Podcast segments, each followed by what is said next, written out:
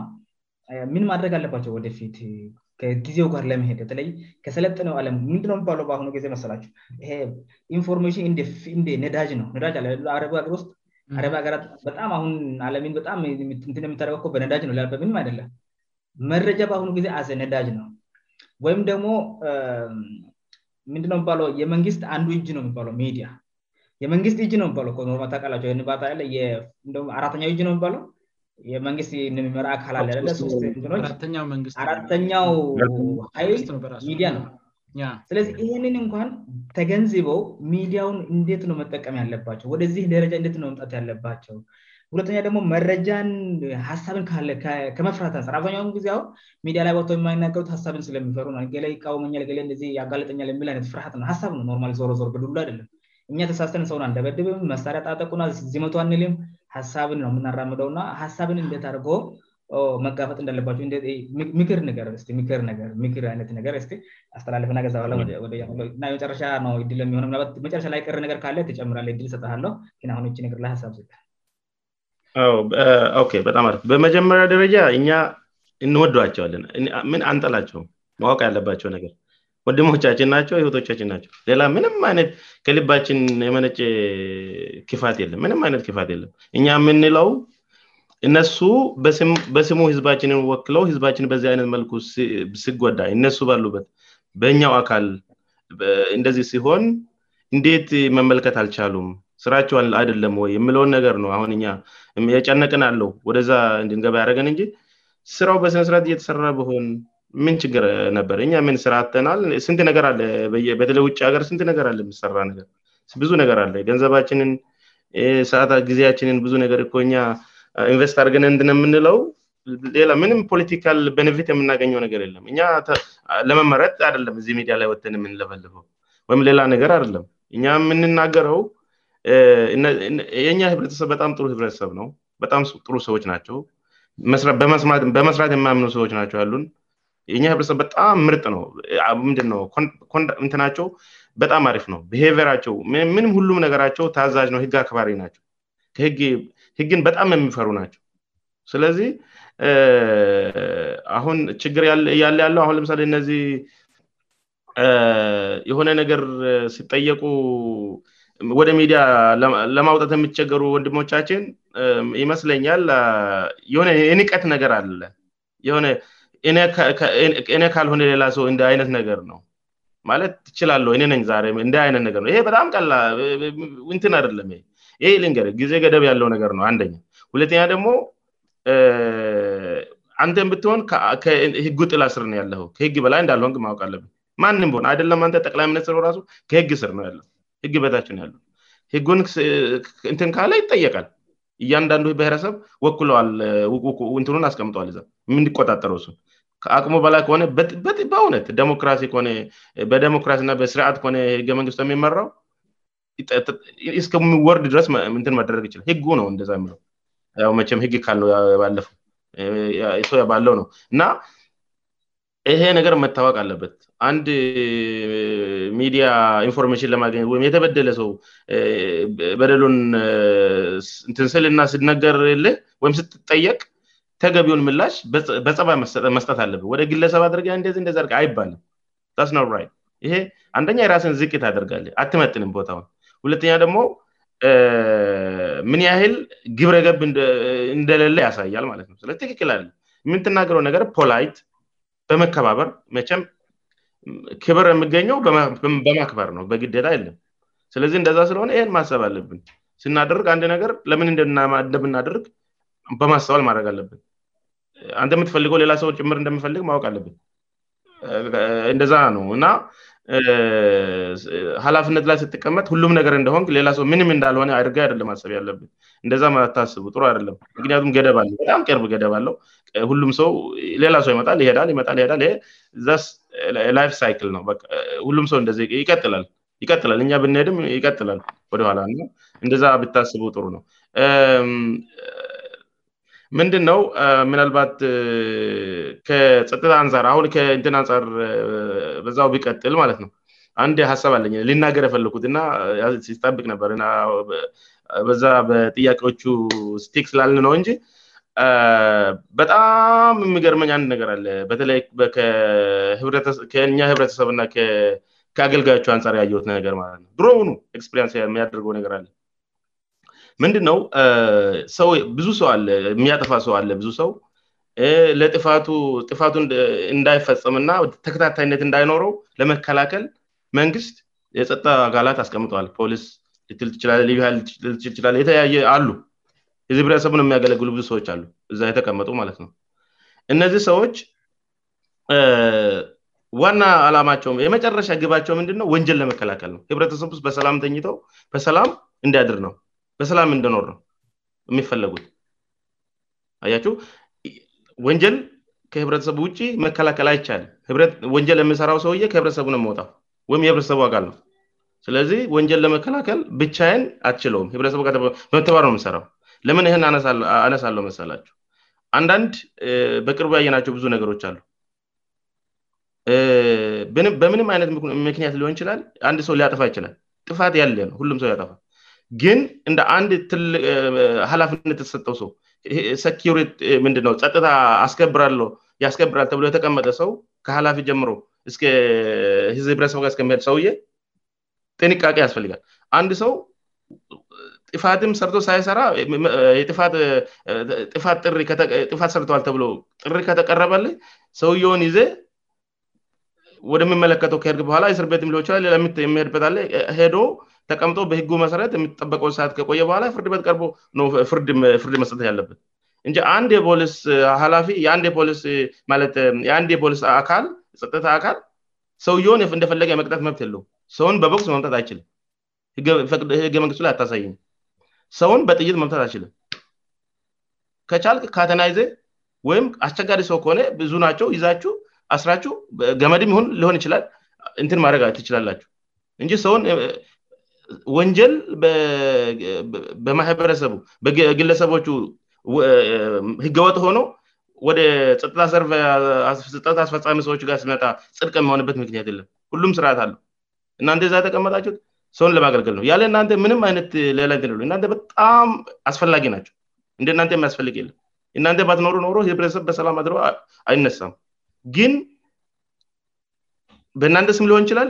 የተወሰኑ ሰዎች የግንዛበ ችግር ሊሆን ይችላል እንደዚህ አይነት በጣም አፀያፍእና የሚያሳቂ ነገር እየተሰራ ነው ያለ ሰው ደምስመጣው ሰውን እንደዚህ በቪዲዮ እስከመ እየደበደባችው አይቻል በጣም ያሰድበል አንደ ያወርዳሃል አ በተለይ በጸጥታ ዘርፍ ስም ተቀምጠ የምታገለግለው ሰውዬ ምን አይነት ሰው እንደሆን ያስገምታል ምክንያቱም ሰው ሰው ነው መሳሪያ የሌለው ሰው ምንም በእጁ የሌለውን ሰው በጋራ እንደዚህ ማጣደፍ ትክክል አይደለም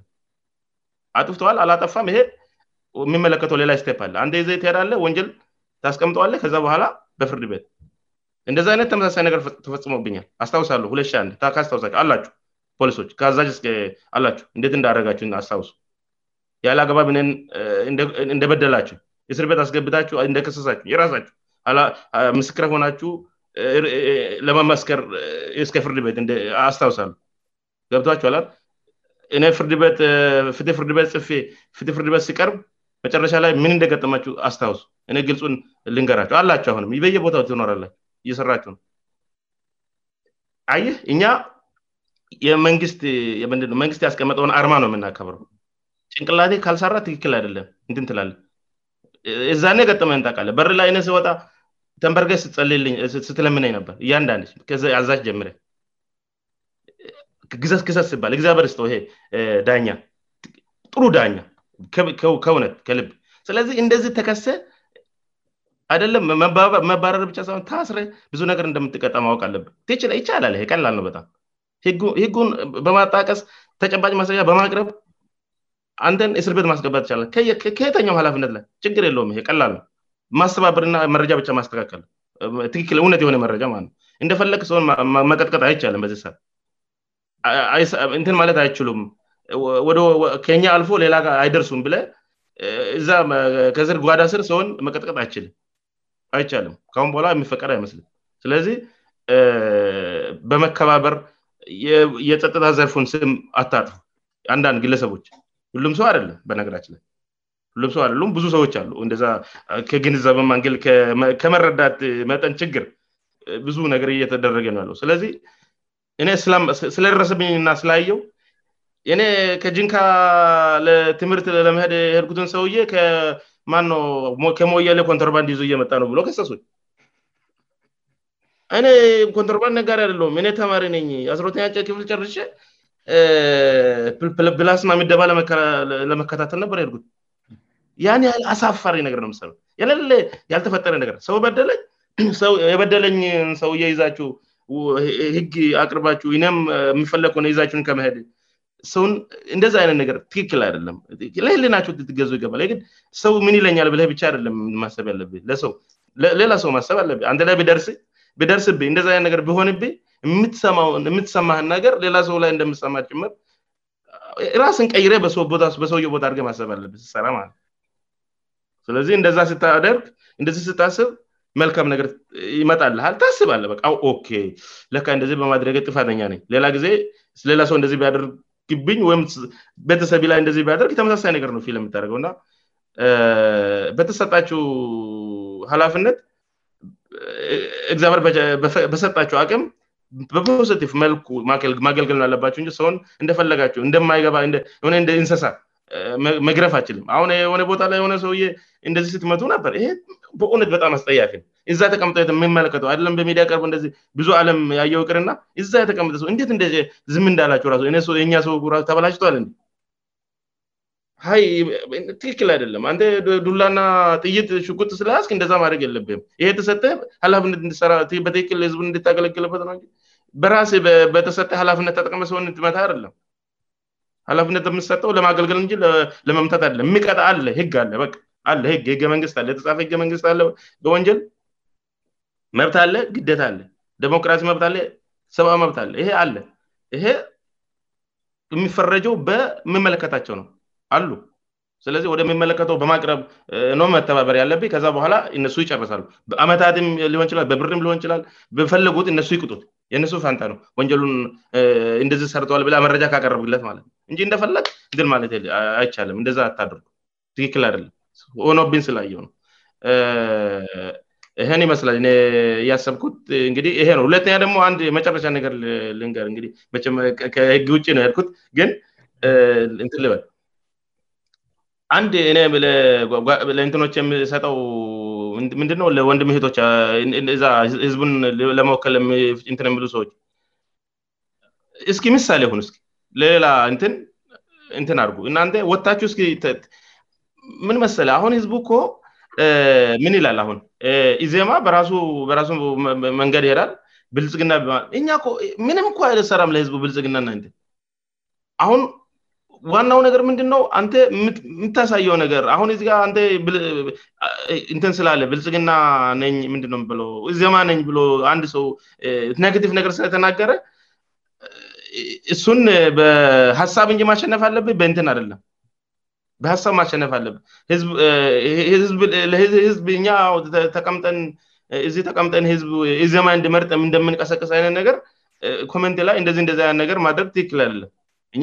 መችም ከፓርቲ ጋር የሚገናኝ ነገር ስርትን አናቅም እኔ ለወደፊትም እንደ ግለሰብ አንድ ሰው ተቀምጠው ህዝቡን እንዲያገለግል ነው እንጅን የምጥረው እንትን አላስብም እንደዛ በፓርቲ ደረጃ ምናምን ይ ፓርቲ ስም ነው በፓርቲ አይደለም በፓርቲ ውስጥ የሚገኙ ግለሰቦች ምን ያህል ለህዝብ አገለግል የምለው ነገር ነው አሁን በደንብ መታሰብ ያለበት እናንተ እንደዛ ለማድረግ የምታደረጉትን ነገር በስነስርዓት በሚፈለበምትችሉት መልኩ ማቅረብ ነው እንጂ አንደኛውን ሳፕረስ በማድረግ ወይም ጫና በመፈጠር እንደዚህ ማድረግ ያለባችሁም ትክል አደለምማንም ያሸንፍ ማንም ለህዝባችን ያስፈልጋል ስለዚህ የዛኔ የሚያስፈልገውን ነገር በጋራ እናያለን ማለት ነው ስለዚህ ቅርታ አርጉት ይበጣምእናመሰግናለንብዙ ብሶት ስላለና ብ የሚያሳስቡ ነሮች ስላነየሚናራ Eh, ችግር የለውም ለማለት ነውእና አሁን ወደ ያበለው ልምጠና ዚህ መጊ ንግግር eh, የሚያደርግል ምንድነው ስፔሻ እንግዲህ eh, ብዙ ሰዎች የምንድው የሚሉት እኛም ኮ ኮንሰርን ያደርግናል አካባቢ የሚሆነው ነገር እዛ አካባቢ ያሉ ችግሮች እኛም ኮ ያገባናየሳቢ ያቀርባሉ በተለዩ ናራነርግን ትንሻተለሚፈጠሩሰዎ አባር ሲታሰሩ በሆነ ክፍትቶች ሲፈጥሩእ ሲናገሩ አን ነው እና እነዚህ ሰዎች ቢያንስ ሆነ ምግር ኮመንት እንድታደርጋቸው ማትናገቼው ምን ሲሆን ው መናገር ምችሉት ሰው በጥይት ይመል ይታሰራል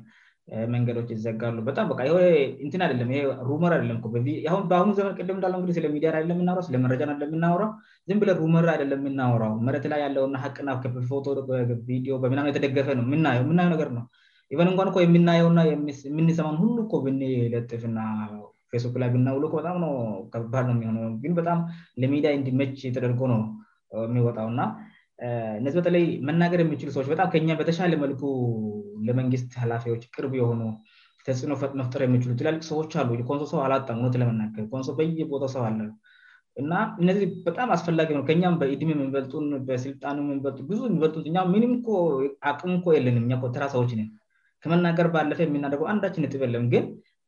ክከኛ ቦታ ላይ ሆነ መናገር በምችሉበት ጊዜ ላይ ግን መናገር የማይፈልጉ ሰች ተደቀማነአን ዝብን የሚክሉ አ የሚያደርጉ ለነዛ ሰዎችም እንድታደርግ ሁለተኛ ደግሞ ባበጣም የነ ማርቃቸው ዶናልድ ትራምፕ ልጣን በሚወርዱበት ጊዜ ተወነ ራይሲስ ፈጥሯልና በዛ ምክንያት ፌስቡክ እንዳይጠቀም ን አድገታል ለተወሰነ ጊዜ አሁን ባለፈ አራዝመበታል እና ሱ ምንደገ ላለመታፈን የራሱ ሶሻል ሚዲያ ፈጠረ ሁ ሰዎችን የሚያገኘው በራሱ መንገድ ነው ይህ ምን የሚያሳየ እግህ ዶናልድ ትራምፕ ፕሬዚዳንት ነው ነርየሚያደ ፕዚዳ ነበረሰው ነውቅሰው ናቸውእና ይህንን ሚዲያ ምን ያህል አስፈላጊ እንደ የምንመለከተው በዚህ ነው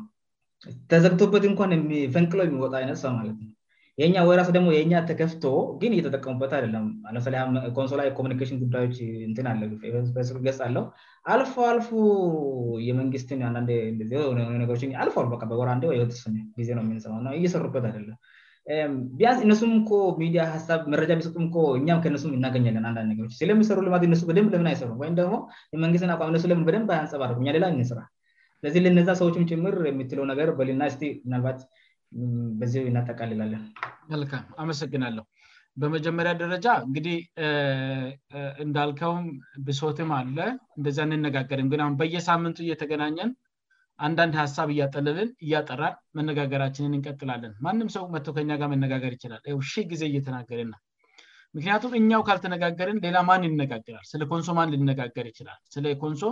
ማን መፍትሄ ሊያመጣ ይችላል የተለየ ሀሳብ ያለውን ሁሉ ጭንቅል ጭንቅልን ብለን ቶሎ የምናሰናብት ከሆነ ቶሎ አፍ የምናዘጋ ከሆነ ልክ አይመጣም ማለት ለዛ ነው ሁ እንደፈለጋቸው ብትሰርቡ ምንም አይመስለንም እኛ በቃ ብሶት ነው ወደዚህ ያመጣም የራሳችን የግላችን ብሶት ሳይሆን ይሄ እንጨት ሽጠው ኩበት ሽጠው ያስተማሩን ሰዎች ዘንድሮም ያው ናቸው በሀያ አንደኛው ክፍለ ዘመን ማለት ነው እና ሀላፍነት ላይያላቸው ሰዎች ደግሞ በዛ ላይ ብሶት ላይ ብሶት ሲጨምሩ ያውትንሽ እኛንም ብሶቱ ስለጨመረን ነው በተለይ አሁን በሰራዊት ህዝብ ላይ የሚደረገው ነገር መቆም አለበት ብለን ነው የምናምናው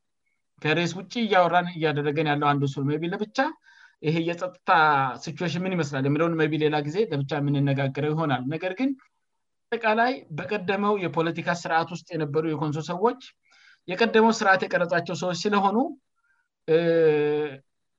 ጸጥ ብለው የራሳቸውን ህይወት ነው የሚኖሩት ማንም ሰው መሰደብ አይፈልግም እውነትን ተናግሮ መሰደብ አይፈልግም የመንግስት ኃላፊዎችን መስመር አሳይቶው መሰደብ አይፈልግም ምክንያቱም የመንግስት ኃላፊነት ላይያሉትም ብዙ የግንዛቤ ክፍተት እንዳለ እያየን ነውን ለመናገርም እየተገደደን ያለ ነው ክፍተቱን ለመሸፈን ሌላ መንገድ ስለጠፋ ነው ንቀቱም አለ እንዳላችት ልሰሙም ደግሞ የሚሞክሩት ው እንዳያችት ነው ወይም መጀመሪያ በስድብ ጀምራችሁ ት ማለት ስለዘህ ነው በኋላ ላይ ትንስ ትንስ ልታብራ የምትችለው ማለት ነውና ስለዚህ ትልልቅ አባቶቻችን ወንድሞቻችን በኮንሶ ፖለቲካ ውስጥ የቆያችሁ ሰዎች እንደመታችሁ ከእኛጋር እንኳን ተሟገቱ ሀሳባቸሁ አይጠቅምም እንኳን በሉንና አንድ ሁለት እንባባል በዛ ውስጥ የምሰራ ስራ አለን ብያምናሉ ትልልቆቹ ማለት ነው ከምንም በላይ ደግሞ ልጆች ላይ ከምትተዉ አሁን ልጆች ናቸው እግዲህብዙ ነገር እያጨመላ ልያሉትና ህግ ራሱ ኬት ወደት እንደሆነ እስ ለዩ ድረስ እየሰራሉትን እያያችው ነው የሚያሳፍር ነገር እንዲፈ ንደምታደርጉደግሞ አላ ግልጽ የሆነ የህግ ጥሰት እየታየ አባቶ ናችሁ ሰፊ የፖለቲካ ልምድ ኖሯችሁ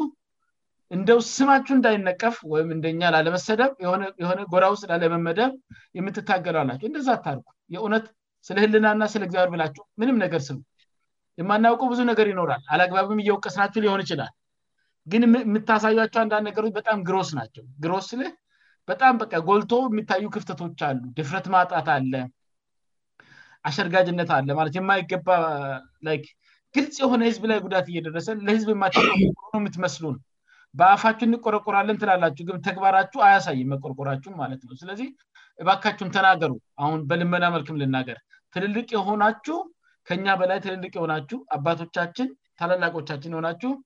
እስኪ በ አሁን ስለ ኮንሶ መናገርንጀምር ልጆች ናቸው ላፍነት ላይ ያሉት እውነት ነው ብዙ ነገር ሊያጠፉ ይችላሉ ከኩዮቻችንም ያነሱ ሰዎች ሁሉ አሉ አንዳንዶቹ ማለት ነው ስለዚህ ምከሩ ዝም ብላችው እተን የእናንተን አቋም ስለሚያራምዱ ብቻ ዝም አትበሉ ወይም የፖለቲካ ፓርቲያችሁ አካል ስለሆኑ ዝም አትበሉ በቃ ለህዝባችን ልታዝኑ ይገባል ለህዝባችን ልታስቡ ይገባል እኛ ኮ የግል ህይወት ያለን ሰዎች ነን ግን አቃተን በቃ መለት ላይ የምንመለከተው ነገር አቃተን በ አልቻልንን ስለዚህ ፉከራና ሞራል አደለም በ የእውነት በ ለህዝባችን የሚሆነው አብረን እንኳን እንነጋገር ከእኛ ኮመልካም ነገር ይመጣ ይሆናል እናንተ ውስጥ ያለውን ሀሳብ አሳዩ ምንም እየሰራቸው አደለም ብለን እየውቀስናችሁ ነ የራሳችሁን ህይወት ብቻ እየኖራችሁ ነው እያለን ነ አደለም ስለዚህ ሀሳባችሁን አምጡ ፕ ሀሳባችሁን አምጡ እንነጋገር ይህንን ነው ምለው በአመራር በኩል ያላቸሁ ወንድሞቻችን ደግሞ በተቻላችሁ መጠን ለመረጃ ክፍት ሁኑ ለመረጃ ክፍት ሁኑ የህግ ገደባችሁን የወቁ እንነጋገር ጋይስ ማለት የአድ ኖት ስፔሻል ማለት የተለያችሁ ሰው አደላችሁ ልክ እንደኔና እንደካፍትና ፍለፍ ላይ እንደተቀመጠው እንደ ጋይቦ ናቸሁ በ የድል ጉዳይ ሆነ የህዝብ ነገር እናንተ ላይ መውደቁ ብቻ ነው ስለዚህ እንነጋገር በ ማለት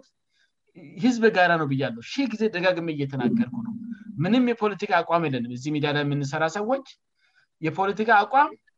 የሚመስል ነገር የምትፈጥሩት እናንተ ናቸው ለምሳሌ የመንግስት አቅም ብልጽግናን የሚደግፍ ከሆነእና እዜማ ላ ጫና የሚፈጥር ከሆነ እኛ እንግዲህ የፍትህ መጓደልን ነው ክስፖዝ የምናደገው ማለት ነውና አሁን ወቅቱ ደግሞ የምርጫ ወቅት ስለሆነ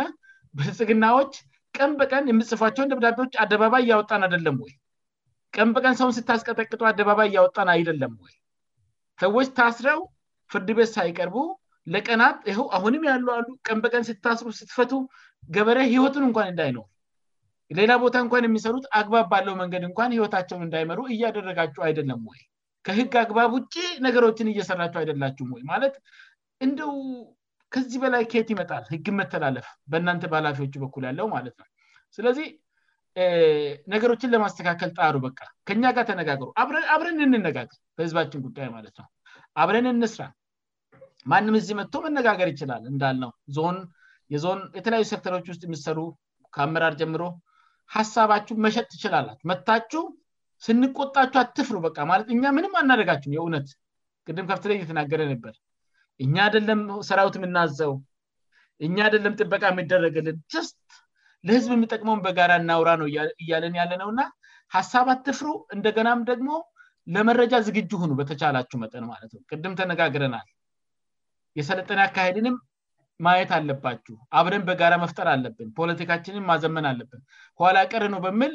አንፋታም አንላቀቅም ማለት ኋላ ቅር ህዝብ ነው የምንመራው እንደፈለግ እናደጋለን በለው እንደዛ ታስቡ አንዳንድ ው በየቦታ ሆነን እንኳን ረፍት የለንም በ ስለዚህ እንደ ለዚህ መከራውን እየበላ ለምኖረው ገበረ ስንል እንነጋገር ነገሮችን በስርዓት አርጎ በተቻለን መጠን መረጃ እንለዋወት አሁንም ደግመ ናገራለው የሚመለከታቸው ነገር ወደናንተ ሲመጣ የምታውቁትም ብቻ ነው የምትናገሩት የማታውቁትም ማንም ጠይቋቸሁ አያቅም የግል ህይወታችን ማንም ለማወቅም የሚፈልግም የለም ህገ ወጥም ነው በመጀመሪያ ደረጃ በህዝብ ጉዳይ ግን ስትጠየቁ መልስ ለመስጠት ሞክሩ የምታውቁትም ብቻ ነች መልሱ የዛነ ማለት ነውእና በተቻላችሁ መጠን በቃ አትፍ ማለት በጥሩ ሁኔታ ህዝባችንን እንድትመሩ ስለምንፈልግ ነው በ ማለት የተሻለ ነገር ለህዝባችን እንዲሆን ስለምንፈልግ ነው እንጂ ስለምንጠላቸው አደለም ቅድም ጋይቦም ጥሩ አድርጎ ተናግሯል መቸም በግል አንድ መስሪያ ቤትኝ እንኳን ሰርተን አናቅም ከአብዛኞቻሁ ጋርማለምን ከአብዛቻቸሁ ከሁላችሁም ጋርእዚህ ውስጥ አብረ ካሉ ወንድሞቼ ጋ አንድም ቦታ ሰርቻ አላ ስለዚህ የሚያነካካን ነገር የለም አሁን የጋራ ህዝብ አለን ነው ፓርቲኩላር ላይ የግል ጥቅማቸሁን የሚጋፋ ነገር አንሰራ እየሰራን ያለነው እንተጋገዝ ነው ህዝቡን እንት አድርገን ንርዳ ነው ስለዚህ ኢሞሽናል እንኳን ሆነን ብንቆጣችሁ ኮ እንደ መስዋት ልትጠቀሙብን ይገባል እያልን ያለ ነው ማለት ነው ሚዲያውን በጋራ እንጠቀም በቃ ኮንሶ ሚዲያ የለውም በጋራ እንጠቀም ካስፈለገ እናስፋው እናንተ መንግስትም ሁነታዎችን አመቻችው ወደ ፍም ልንቀይር እንችላለን ምልባት ከኮንሶ ከከራት ከተማ ወደ ሌላች አካባቢ የሚሰራች ኤፍም ልናደረግ እንችላለን ነገር ግን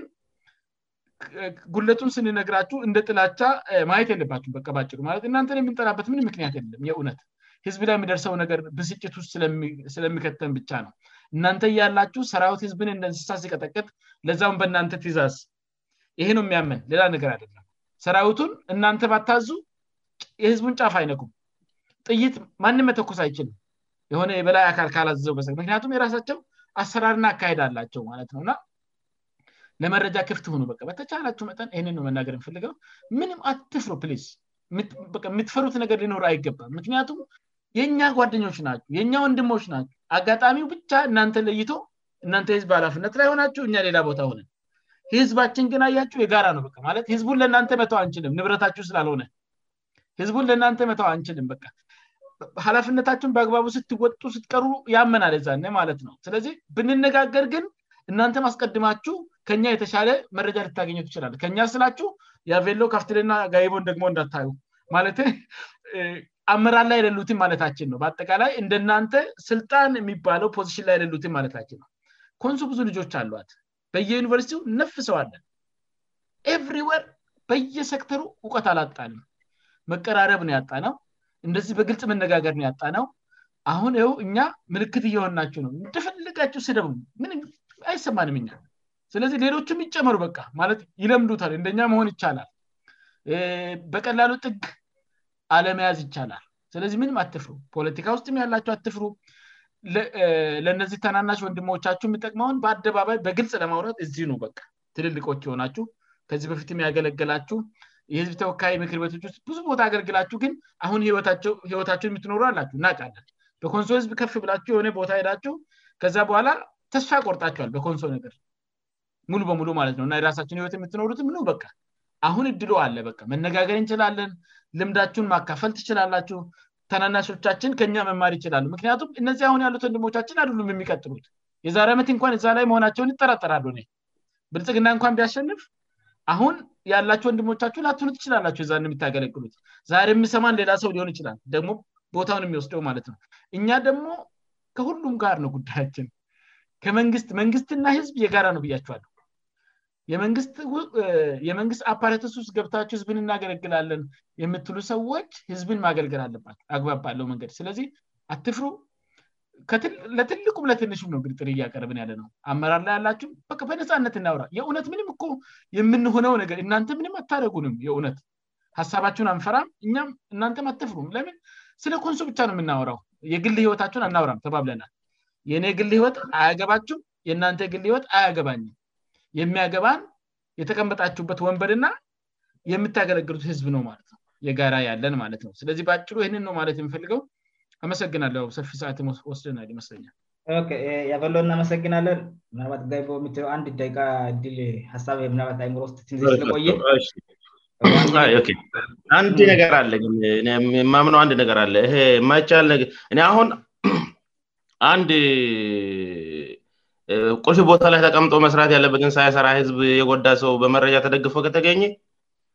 በህግ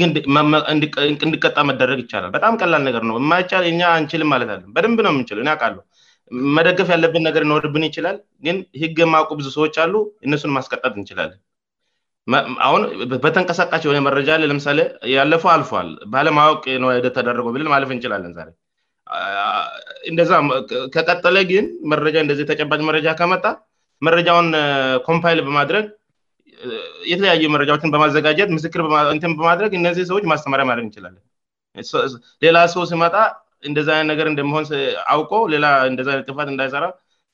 ማስተማሪያ እንዲደረጉ ማድረግ ይቻላል ንም ከን በላይ አይደለን በሰው አካል ላይ መብት የለው ህግ ነው የሚገዛን ህግ ጥፋተኛ ጥፋት ከሰራ በህጉ መሰረት ሊጠየቅ ይገባል እ የሰውን አካል እንደዚአይነት ወይም ማንከራተት እንትል ማድረግ የምችል ሰው ምኖር የለበትም እንደዛ መደረግ የለበትም ስለዚህ ይህን ግንዛቤ ውስጥ ሊያስገቡ ይገባል አይቻልም የሚባል ነገር የለም የግድ እዛ መኖር የለብንም በደንብ ሊ ይችላሉ ስለዚህ ይህን ግንዛቤ ውስጥ እንዳያደርጉ ለመናገር ያል ነው እና ስለስላረጋቸት ነውየሆ ወሬ ብቻ አይደለም ማድረግ እንችላለን እግዚአበርም ስለዚህ ወኝ አትሆን እንደዛ አታደር ይ በጣም እናመስግናለን እንግዲህ የዛሬ ውይይታችን በአጠቃላይ በሚዲያ አጠቃቀም ዙሪያ ነው ከመጀመሪያ ጀምሮ እስሁን ድረስሚዲያ ጥቅም አውርተናል እንደገና ደግሞ ሚዲያ ላይ በብዛ ደሞ የምንመለከታቸው አንዳንድ ነገሮችንም አይተናል ሁለተኛ ደግሞ ስተኛ ደግሞ በተለይ ከመንግስት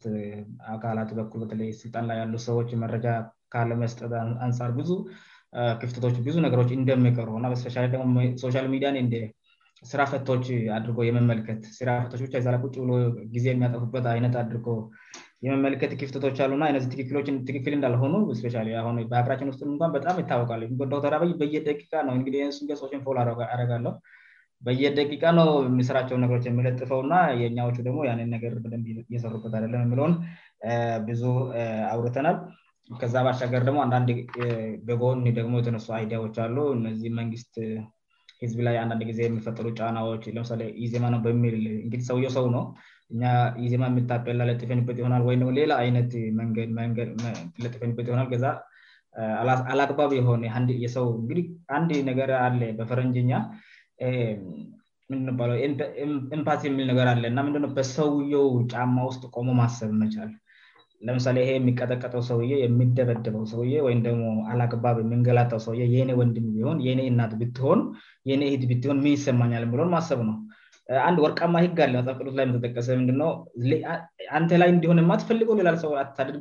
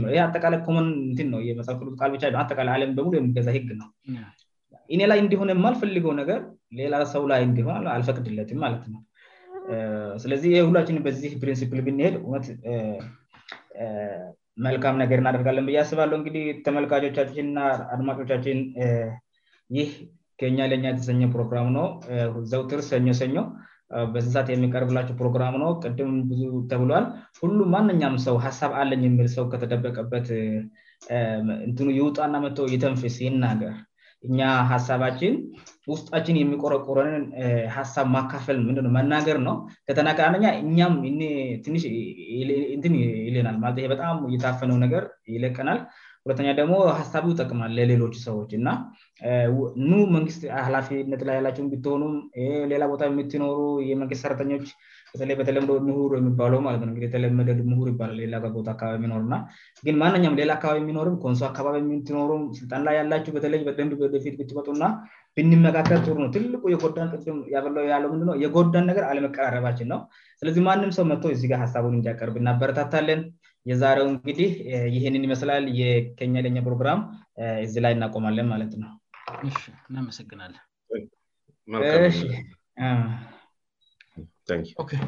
ላይቭ ስርጭቱ ተቋርጧል እናመሰግናለንብሶት በስቶ በታ ዛረው እንዳልከውም ምክንያቱም